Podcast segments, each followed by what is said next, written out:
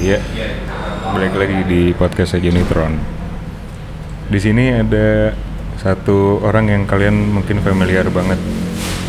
Orangnya selalu ada di paling depan nih. Kalau racun lagi main. ada Mas Yudis dari Racun Musik. Iya. Halo. Bener kan ini Racun Musik? ya? Betul, itu Instagramnya Racun Musik. Iya. Oh iya bener. Racun aja ya. Racun aja. Racun aja. Instagramnya di @racunmusik. ID. Eh, enggak ya? Apa kabar Mas Yudis? Baik, alhamdulillah ya gitu ya hidup. Langsung berat. Langsung berat. Iya. ya, gue ada beberapa pertanyaan wajib. Aduh, wajib apa Pertanyaan nih? wajib nih, ya kan?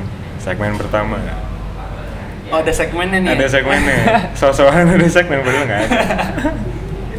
Nih, kapan lu mulai banget ngeband?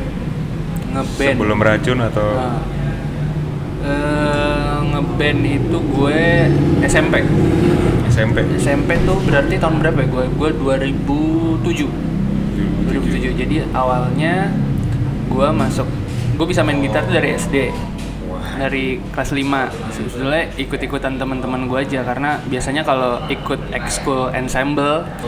Itu biasanya karena karena gue sekolah Katolik dulu jadi kalau ada misa tuh gue nggak perlu duduk di bangku yang ikut berdoa gitu. Oh, jadi gue ngiringin eh, kan suka ada lagu-lagu itu suka nyanyi-nyanyi kan. Jadi gue ah gue pengen deh tuh eh, kalau lagi misa gitu walaupun gue muslim ya tetap wajib ikut ke gereja atau ikut misa. Duh gue gak ngerti nih doa-doanya nih. Gimana kalau gue coba kali ya eh, belajar gitar biar gue bisa masuk ensemble terus kalau misa tuh gue ngiringin aja main gitar akhirnya awalnya tuh karena bokap gue main gitar juga jadi gue ada gitar akustik di rumah punya bokap. Waktu pertama kali gue eh, nyobain gitar tuh gitarnya gue tidurin gitu loh kayak kayak kecapi gitu. Jadi cuman dereng dari senar paling rendah sampai tinggi tuh gue bolak balik aja. Gue nggak tahu sih gue main apa dereng dereng dereng dereng akhirnya begitu gue masuk SD teman-teman gue mulai pada main gitar. Ih enak kali ya coba main gitar. Terus lagu pertama gue tong deng dong deng deng dong deng iya nggak? Itu gue juga. iya kan? Sampai sekarang kadang kalau gue mau nyetem gitar harus itu yang dimainin. Dong deng dong deng deng deng deng dan akhirnya terus gue eh, masuk lah gue ke ensemble. Terus gue ngiringin eh, misa di gereja misa di sekolah. Sampai akhirnya SMP gue naik level. Udah bukan cuman ngiringin orang di gereja aja tapi upacara juga Oh, gitu. upacara tiap hari Senin kan biasanya orang baris di lapangan Hmm. panas-panasan nah kalau gue tuh anak-anak ensemble tuh di bawah pohon Oh, jadi enak banget ngiringin mengeningkan cipta Indonesia Raya tiap hari Senin tuh selalu gue, eh enak nih gue nggak panas-panasan kan. Sampai akhirnya gue masuk ik, eh, ekskul ensemble juga di SMP. Terus guru gue, guru guru ekskul Hah? itu ngumpulin anak-anak yang bisa main musik Hmm. untuk eh, ikut lomba, Oh, lomba musik. lomba musik. Nah, waktu itu ada lomba musik di Tarakanita 4 gue ikut lah pokoknya gue salah satu yang ditunjuk nih bisa main gitar nih Terus? terus akhirnya ya udah gue masuk eh waktu itu lagu wajibnya tuh Niji Hah? Yang mana? biarlah Oh, biar. iya itu tuh gue pelajarin itu terus sama waktu itu bawain satu lagu lagi Hmm? eh padi Yang mana nih? Eh, Oh. apa judulnya Eh, soundtracknya ini, soundtracknya di sini ada setan bukan sih? nggak tahu gue Eh, judulnya setiap berkehor bukan aku berenang nah itu gue gue lupa apa bintang, Nah, iya. pokoknya itu gue latihan dua lagu itulah Anjir. nah ternyata Hmm? bukan ternyata sih di situlah gue berkenalan dengan anak-anak racun Oh gitu? iya jadi Lah, udah awalnya lama ya? terbentuknya gara-gara ditarikin sama guru musik Wah, ini siapa iya. nih yang bisa ada waktu itu Ode Ah. ditunjuk sama Indra Hmm. gue mengajukan diri untuk main gitar Oke. Terus eh, waktu itu vokalisnya eh, bukan anak racun sih maksudnya anak sekolah juga Hah? yang emang bisa nyanyi gitu cowok Hmm, hmm, ada satu gitaris lagi jadi gitarnya dua terus eh, Viras tuh sebetulnya pengennya main gitar Oh, gitu? iya tapi eh, karena waktu itu posisinya nggak ada basis akhirnya dia jadi basis Oh, Akhirnya sampai sekarang. Keterusan ya. sampai sekarang dan setelah lomba itu selesai Hmm. jadi ada lomba lagi nih di sekolah lain jadi dikirim lagi Oh. ya nggak nggak- pernah juara sih Tapi jadi ini ya. tapi ternyata eh, dari apa ya dari kompetisi itu dari formasi itu akhirnya Hmm. terbentuklah gua Firas dan Ode sampai sekarang gitu Wah. jadi gila. tadi itu berlima atau berenam seleksi alam lah ya Iya. seleksi alam akhirnya bertahan ya bertiga dan alhamdulillah sih masih lanjut sampai sekarang itu berarti gua mulai ngeband tuh SMP SMP itu belum atas nama racun Wah. itu masih main di kalau pensi SMP gitu apalagi pen, SMP gue sendiri gitu ngadain Hmm. pensi ya gue main Hmm. masih cover cover Jet, Wolf Mother. The Sigit tuh wajib banget tuh waktu Wah, itu. Sigit iya ya, kan? Sigit ya. 2007 2008 tuh. Bener. Wah, Sigit tuh. Iya. Itu bahkan gue sempet bawain Killing Me Inside. serius? Torment. Chemistry antara lu sama Firas sama Ode Hmm. emang awalnya karena tuntutan band sekolah itu Hmm. atau begitu lu main ketemu langsung kayaknya kita klub deh. Oh, en- enggak, enggak, enggak. Enggak seinstan terus. Jadi waktu setelah lomba SMP itu kelar, itu kan gue kelas 1 SMP. Kelas 2 tuh sempet nggak ngeband. Jadi karena gue dulu anak futsal kan, gue main bola. Oh. Terus eh Firas tuh masih main musik, Hmm. Ode anak basket. Wah, Jadi yang udah kental ya? udah kepisah-pisah gitu, terus tiba-tiba suatu hari kayaknya tuh dari Firas dia, dia ngajak Ode, eh bikin band lagi yuk, tapi kayak The Sigit. Oke. Terus ngajak satu gitaris lagi teman gua. Hmm. Terus eh, kayaknya butuh satu gitaris lagi deh gimana tuh kalau Yudis. Nah, Hmm. Akhirnya gua main nih masuk nih. Terus nambah vokalis. Jadi jadi berlima ibaratnya waktu itu. Oh, Oke. Bentuk waktu itu kelas 3 SMP. Oh, kayaknya kelas 3 SMP. Cover-cover di Sigit. Terus itu lagi zamannya Zik and the Popo. Oh. Iya kan? Sekarang mau comeback gitu. Iya, iya, Waktu iya, anjing iya. Zik and the Popo comeback coy. Zika Sally. Iya sih Kak Selly. Zaman-zaman itulah. Baru baru melek indie ibaratnya. Nah, jadi ada gap eh, ada jarak satu tahun untuk akhirnya bisa kembali ke studio lagi Hmm. dan udah meninggalkan Niji, Oh, iya. Padi, terus udah arahnya udah mulai ke The Sigit. Udah masuk indie Iya, nih. ya. udah itu Hmm. itu kan kayak itu kan zaman zamannya dahsyat kalau nggak salah ya dahsyat, inbox, iya, iya, iya. Hah. the rings, Hmm, hmm, hmm. terus ya waktu itu kami sebagai anak SMP yang aduh masa musiknya gini-gini aja sih coba nyari eh, channel yang lain coba nyari perspektif yang lain yang nemunya ya di Sigit terus Hmm. ke rumah kaca yang itu gitu kan Wah, tuh raja-rajanya iya indie waktu itu itu ya.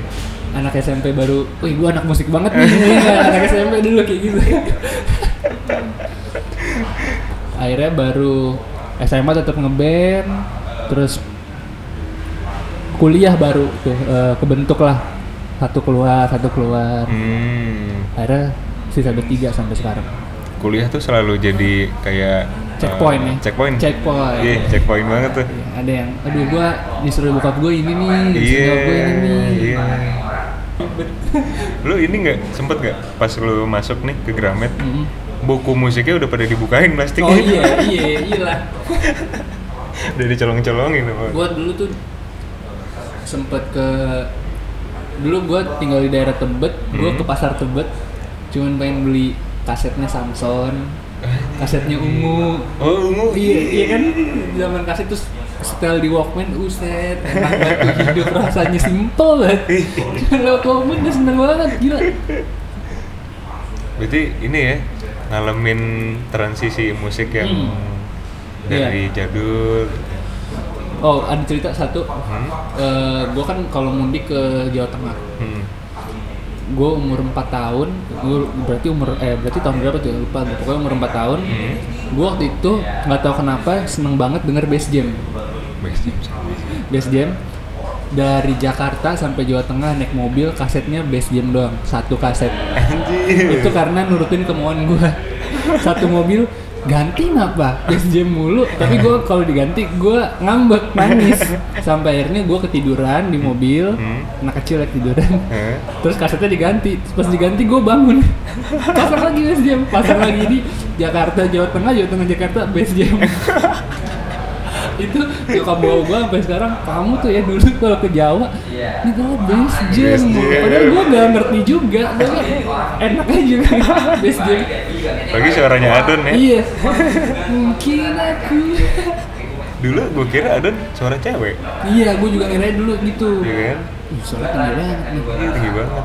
Nah itu terakhir tuh tadi SMP berarti lo ya ngeband tuh. Ketemu awal Iya, ketemu. awal ketemu. SMP. jadi kelas 1 ketemu kelas 2 sempet renggang tuh Ah. kelas 3 mulai masuk studio lagi Oh kelas 3 SMP ya berarti. ya. Terus- SMA mulai rutin cover-cover yang lain kalau dulu kan Wolf Mother, Jet ini SMA udah mulai Nirvana Wih. iya Udah masuk nih, udah masuk. udah masuk nih set, terus bikin lagu sendiri bikin lagu sendiri Ke- Itu udah racun belum? itu namanya pa, Namanya. saat kelas 1 kelas 1 SMA sama kelas 2 SMA itu belum racun jadi Hmm. 2011 eh 2012 tuh belum racun Oh gitu. 2013 baru kita Oh. kami pakai nama racun Oke oke. Nah, 2013 itu juga jadi momen untuk rekaman lagu pertama. Oh gitu. Yaitu eh, judul lagunya Gerhana itu Hmm. di ada di SoundCloud. Oh di SoundCloud. masih masih Masih SoundCloud ada? itu, masih masih ada. Wah lu buka SoundCloud itu. Itu kan itu waktu waktu itu masih berempat ya. hmm? Dan kayaknya emang kebutuhan lagu itu adalah dua gitar. Oh gitu. Nah, jadi karena sekarang udah bertiga, Nah. agak susah nih bawainnya. Jadi kayak ada yang hilang. Jadi akhirnya jarang dimainin dan kadang kalau lagi manggung ada yang suka iseng, oh ya gerhana, gerhana, gerhana, gerhana aja lu, susah. Mau nggak? Lu mau nggak mainin Gerhana lagi? Gue mau sih tapi kayaknya belum waktunya. Oh nanti. ya? nanti. Nanti. Semoga akan ada waktu yang tepat untuk membawakan dan merekam ulang mantep. Lagu pertama tuh the best biasanya, Iya. ya, best feeling. itu wah itu pas pertama kali rilis di SoundCloud tuh senengnya bukan karena wah anjir gue punya lagu men Itu lu gimana? Masarinnya gimana waktu itu? masarinnya Lu bilang-bilang masih kan ke iya pasti ya eh SoundCloud iya itu masih Facebook Twitter Oh, Facebook, Nah, Twitter, ya. belum belum. Instagram kayaknya belum serame sekarang gitu. Nah, gue juga kayaknya belum seaktif itu pakai Instagram waktu itu. Jadi cuman share di Facebook share di Twitter. Terus deng- sok-sok dengerin ke senior musisi-musisi senior. Waktu itu gue inget banget ke ini Mas Iman Fatah. Oh gitu? mas? Lewat Twitter kalau Eh. mau dengerin. Ya bocah fanboy, fanboy. Iya, iya. Dan waktu itu dengerin musikan Gopo kan gue Iya. yeah. tuh. Ih, lucu kali kalau kita didengerin sama orang-orang yang kita kagumi gitu. mantap, mantap. Itu dari SoundCloud, hmm. SoundCloud kan eh, zamannya Facebook sama Twitter. Hmm. Lu pernah punya MySpace nggak? Pernah dong. Oh, right. Pernah dong. MySpace. Tapi kalau eh, MySpace tuh akun pribadi aja. Oh, pribadi, Nggak- iya. nggak nggak sampai bikin akun band di MySpace gitu loh. Hmm. Gue bahkan tahu payung teduh itu dari MySpace dulu. Serius? Iya. Jadi di sekolah gue dulu ada dulu kayaknya banyak sekolah yang dapat majalah provok gratis gitu loh, Hmm, iya kan? Nah gue terus gue sering ngambil di perpus. Terus gue lihat payung teduh apaan nih namanya? Namanya kok payung teduh? Aneh banget nih. Terus gue buka di MySpace, wah anjir enak banget nih. Waktu itu gue jatuh cinta banget sih sama payung teduh album pertama. Te- terus gue dengerin pakai eh, MySpace, terus gue cari downloadannya, gue masukin iPod. Oh Iya, iya. gue masukin iPod, iPod, iPod. gue waktu itu pakai iPod klasik gitu 30 giga terus gue lagi dengerin lagu tiba-tiba ada yang nanya band apaan nih dis? Hmm. gue dengan bangga paling teduh lu tau nggak? Iya. nggak tahu gue band apaan tuh gue gue bener terus akhirnya eh gue kuliah gue udah lama tuh akhirnya nggak dengerin paling teduh kan Nah, terus mereka ngerilis album kedua lah ngerilis lagu-lagu baru gue udah nggak terlalu ngikutin karena ih udah banyak yang denger paling teduh gue malas ah gue mencari band yang lain pasti ada kan ya kayak perasaan-perasaan kayak gitu kan? Iya. ah nggak mau gue sama kayak orang-orang gitu. Yoi. Iya kan? Terus akhirnya sampai akhirnya gue tahu kalau paling teduh itu dari FIB UI Hmm.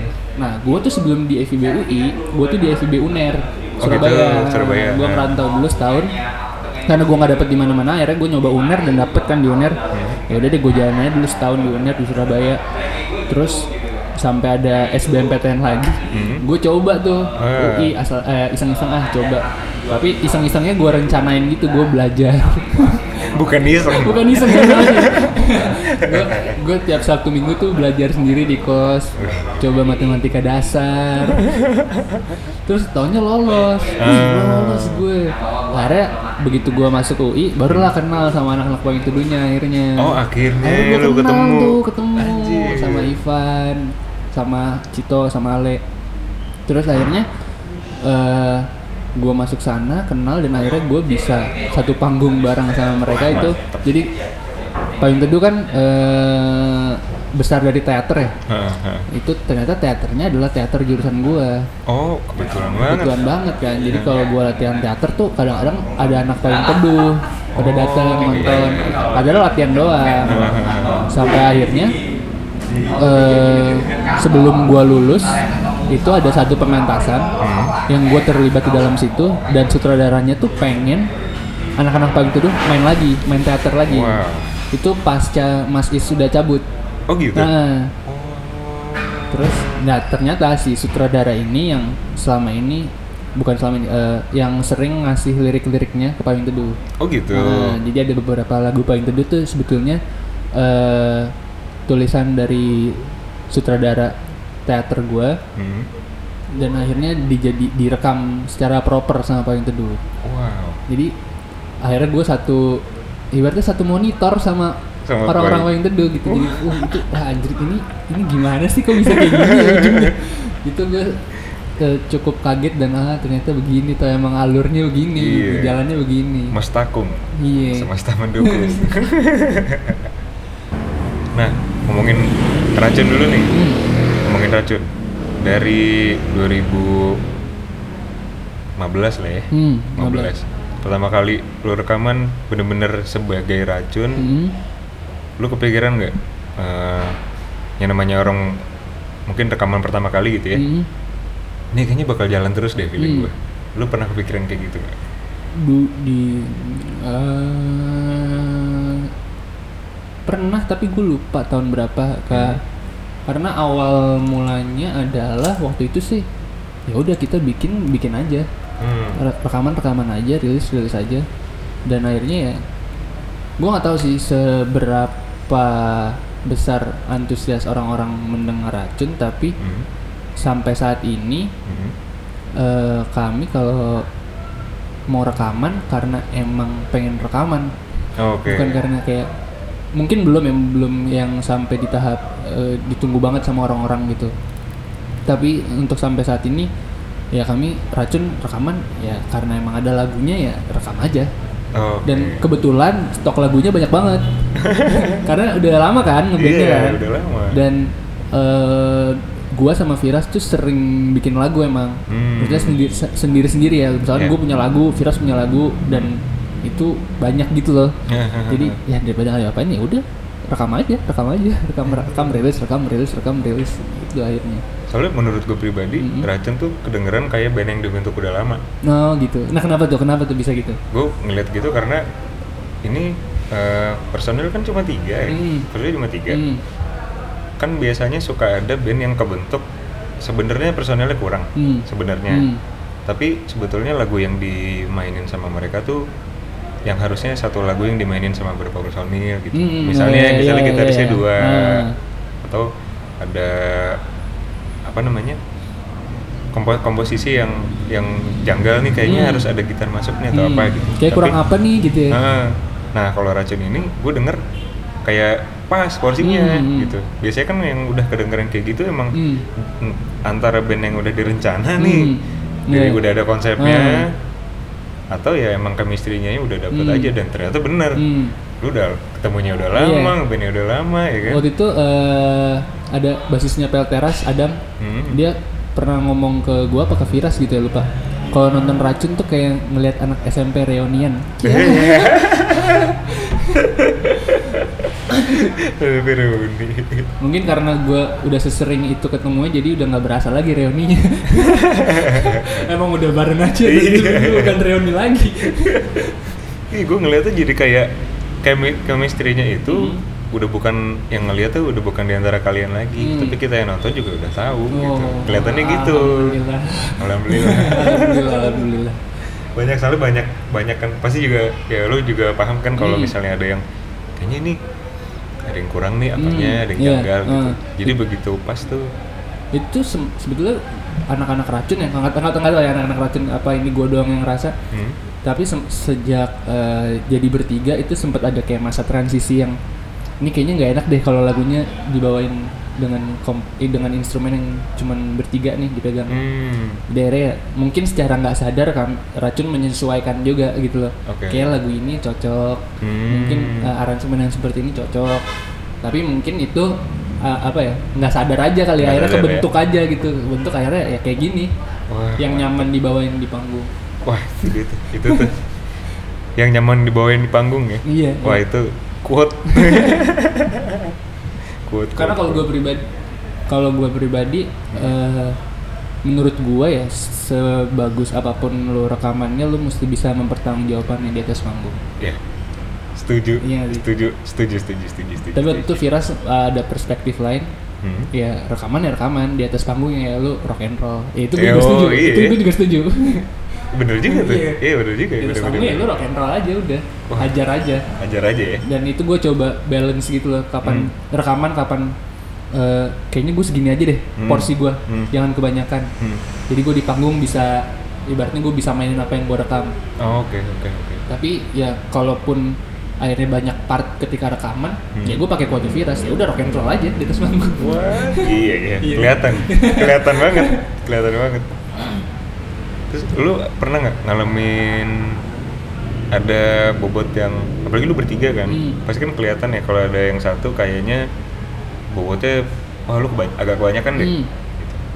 Pernah nggak? Bobot Kayak- tuh gimana maksudnya? Maksudnya riff lu terlalu panjang atau Hmm. lu ter- suara lu terlalu dominan, Ah. misalnya kayak gitu. kalau kalau kalau gue sih sering dikomentarin sama Viras lagu lu kepanjangan Oh gitu.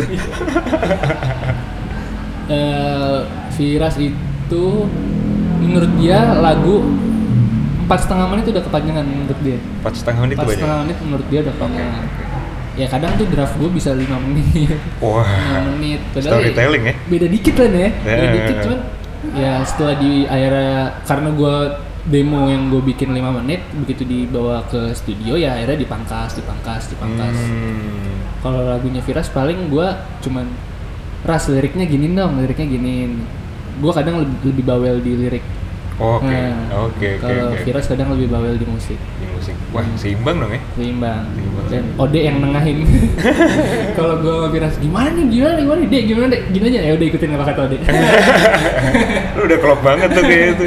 ya sampai klubnya sampai akhirnya kalau ada apa-apa kadang nggak usah diomongin juga udah ya udah ntar juga baik-baik aja Oh, mantap sih, mantap, mantap, mantap, mantap. Kalian tuh kan sangat produktif ya. Gimana sih caranya lu eh, ini mana yang kita keluarin sekarang, Mhm. ini tahan dulu Hmm. gitu. Lu gimana cara apa rembukan? rembukan pasti kalau itu rembukan rembukan. jadi eh, pasti itu meeting bertiga Hmm. hmm. ngomongin eh, berikutnya mau rilis apa nih kita Hmm. terus baru dibilangin lagu ini aja lagu ini aja terus kayaknya lagu ini nggak cocok deh mending bikin baru jadi ada yang ngambil stok lama ada yang bikin baru Oh, karena lu udah punya banyak stok, jadi Hmm. lebih mudah buat masukinnya Iya, ya. jadi Hmm.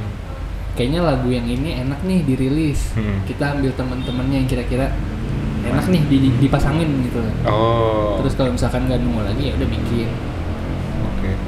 kadang, Itu eh, kadang juga eh, kadang misalkan BM gua Viras atau Ode eh gue pengen deh lagu ini dirilis Hmm, hmm. jadi ya udah itu di ibaratnya jadi apa ya jadi patokannya Hmm. baru kita tarik yang lain Oh, jadi ada satu lagu. ya, ibaratnya ada satu jagoannya lah Jagoannya ya. gue pengen deh ini dirilis gitu loh di racun nggak taktikal taktikal amat emang Hmm. emang gitu aja metode keluarnya gitu aja Nah, racun lagi nih, si Hmm. racun lagi nih.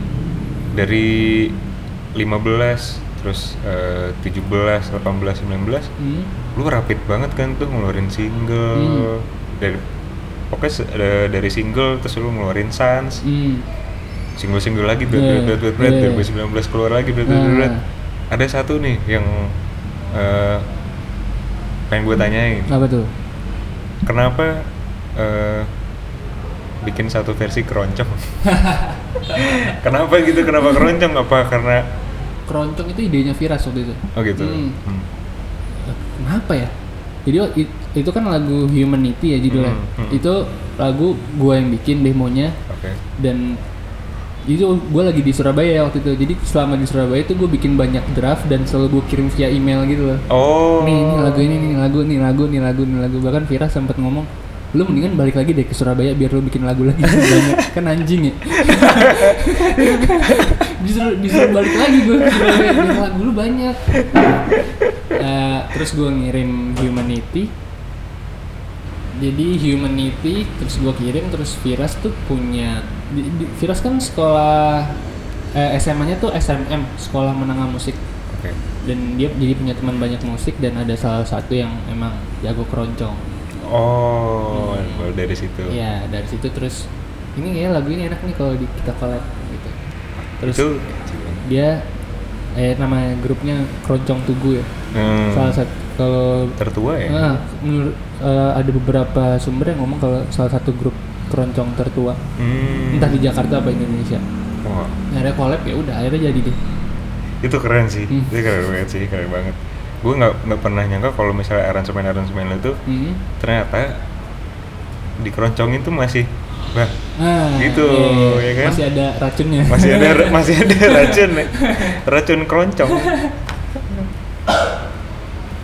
ini eh, satu pertanyaan wajib juga deh salah satu salah satu yang wajib apa ya mungkin bisa dibilang stereotip musisi Hmm. stereotip musisi gitu Eh, gimana caranya kalian tuh bertahan Hmm. bertahun-tahun maksud gue jarak antara satu single dan lainnya Hmm. kan emang harus ada mungkin ada semacam komitmen ya Hmm. eh eh, kita belum ngeluarin single nih misalnya Hmm. misalnya kayak gitu gimana cara keep up itu sama keseharian lu pada gitu ya Hmm. lu kerja masing-masing Hmm. kerja Hmm. gitu gimana cara apakah lu ada target Hmm. tiap entah tiap bulan atau Hmm. apa gitu atau lu bikin nyetok bikin nyetok Hmm. bikin nyetok gitu. kadang eh, jadi setiap nggak nggak setiap sih sering, sering kali awal tahun tuh racun bikin ibaratnya target tahun ini kita mau ngapain nih.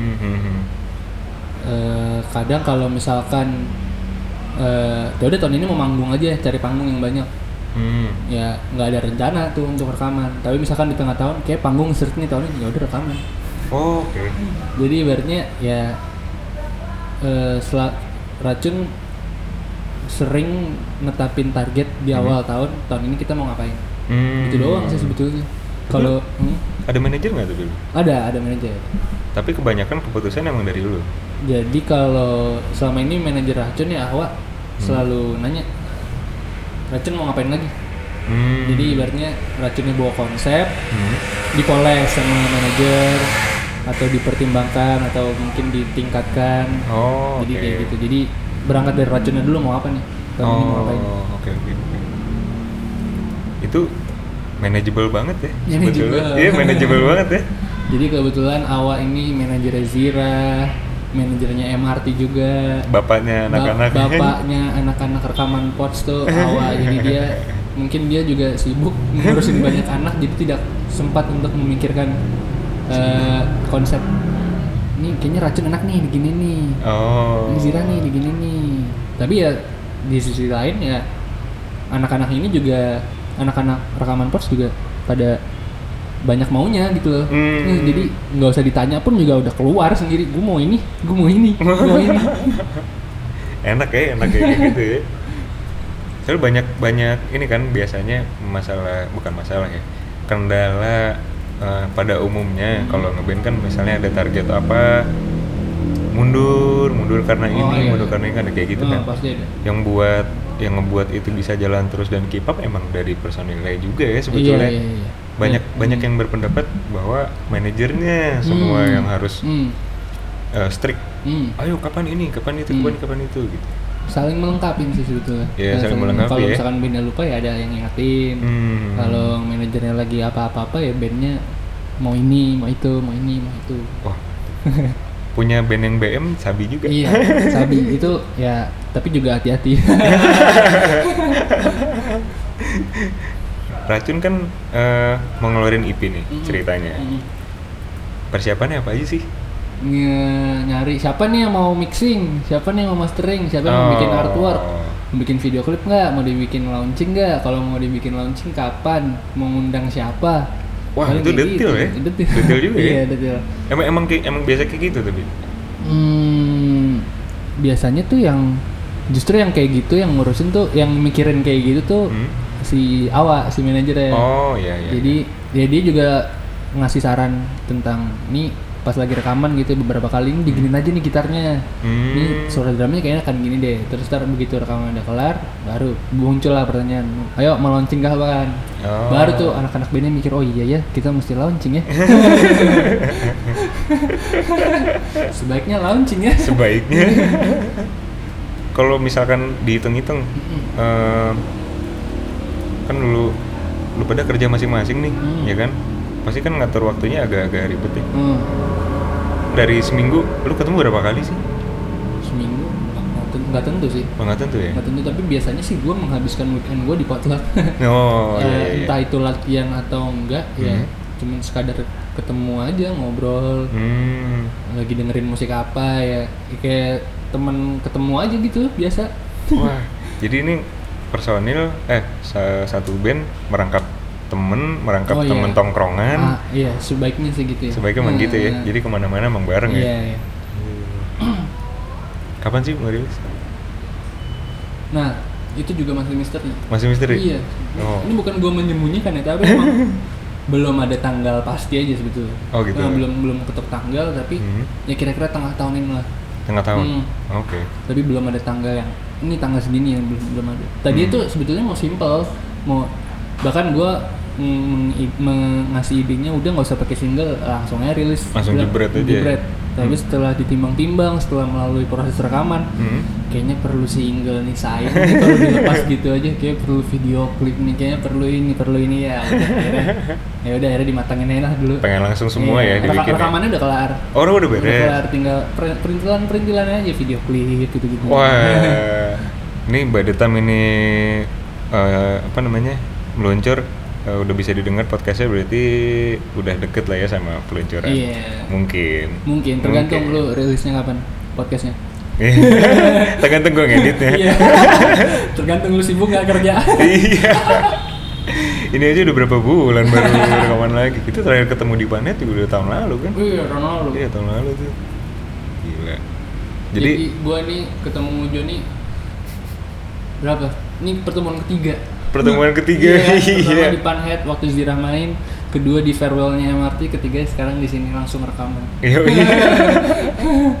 Soalnya kalau misalkan direncanain kadang suka kalau rencanain dari jauh Hmm. tuh suka aduh nggak jadi Iya, iya. gitu-gitu. Yang, yang tiba-tiba aja lah ya. Iya. Suddenly tiba-tiba. Tadi tadi aja tiba-tiba kabelnya ketinggalan. Iya. Ya, kagak bisa rekaman. Pokoknya kita menunggu IP-nya. Sama kapan manggung? Eh, Deket-deket ini atau Belum ada, belum ada panggung. belum ada panggung belum ya? ada panggung. Berarti minta diundang. iya, ayo dong. ayo dong, ayo dong. Yang lagi dengerin ini siapa Hmm. tahu lagi ada acara ya nggak usah khawatir sama corona dulu lah. corona juga masih lama kayak di sini. Masih lama. Kayaknya masih lama. Baru nambah lagi pasien tadi Iya. berapa orang gitu? Udah, iya tadi udah lumayan banyak ya yang Hmm. suspek. Iya. Acara pada mundur kan? Pada mundur, Hammer Sonic mundur. Iya. Terus kalau nggak salah Fish juga nggak jadi ke Malaysia. Oh, iya, nggak jadi ya? Iya nggak jadi. Terus Falls juga ditunda. Ditunda ya? Iya, banyak lah yang ditunda. Padahal Slipknot kalau mau main aman-aman aja, soalnya Iya. mereka pada pakai topeng. nah, Harusnya semuanya ditopengin aja tuh Iya. penontonnya juga, biar aman. Ya udah deh, kalau gitu eh, jangan lupa eh, buat tahu tanggal peluncuran IP-nya, lu Hmm. bisa di Instagram di share pasti kan? mm-mm. Di Instagram di share, terus mungkin ada tiba-tiba ada panggung-panggung mendadak nih, iya. bisa dilihat juga. Instagramnya apa? Racun musik. R A C H U N M U S I K. Yoi, sama Instagram Instagram lu lah. Instagram gue D H I S D H I S D H I S. Dis dis dis. Jangan lupa di follow Instagramnya Mas Yudis, jangan lupa di follow racunnya. Instagramnya bisa dilihat. Mungkin nanti gue bakal update dari Instagramnya Jonitron juga. Eh, dan Spotify, Spotify Racun Musik Oh iya, Spotify-nya R A C H U N kan langsung muncul. langsung keluar ya. Hmm. Langsung aja di follow di Spotify, follow di Instagram semuanya. Ada lagi SoundCloud atau wah SoundCloud lagu rahasia nih. Iya, lagu lama nggak apa-apa lah itu Spotify aja lah Spotify atau Joox ya? atau Deezer dan kawan-kawannya itu. Oke, kalau gitu terima kasih banyak Mas Yudis. Sama-sama Mas Joni. Sampai ketemu lagi di panggung-panggung berikutnya. Oke. Dan mungkin ada podcast lagi bersama Racun semuanya. Oke, boleh tuh. Ntar tinggal kita atur aja. Sampai ketemu lagi di podcastnya Jenitron. Bye. Bye.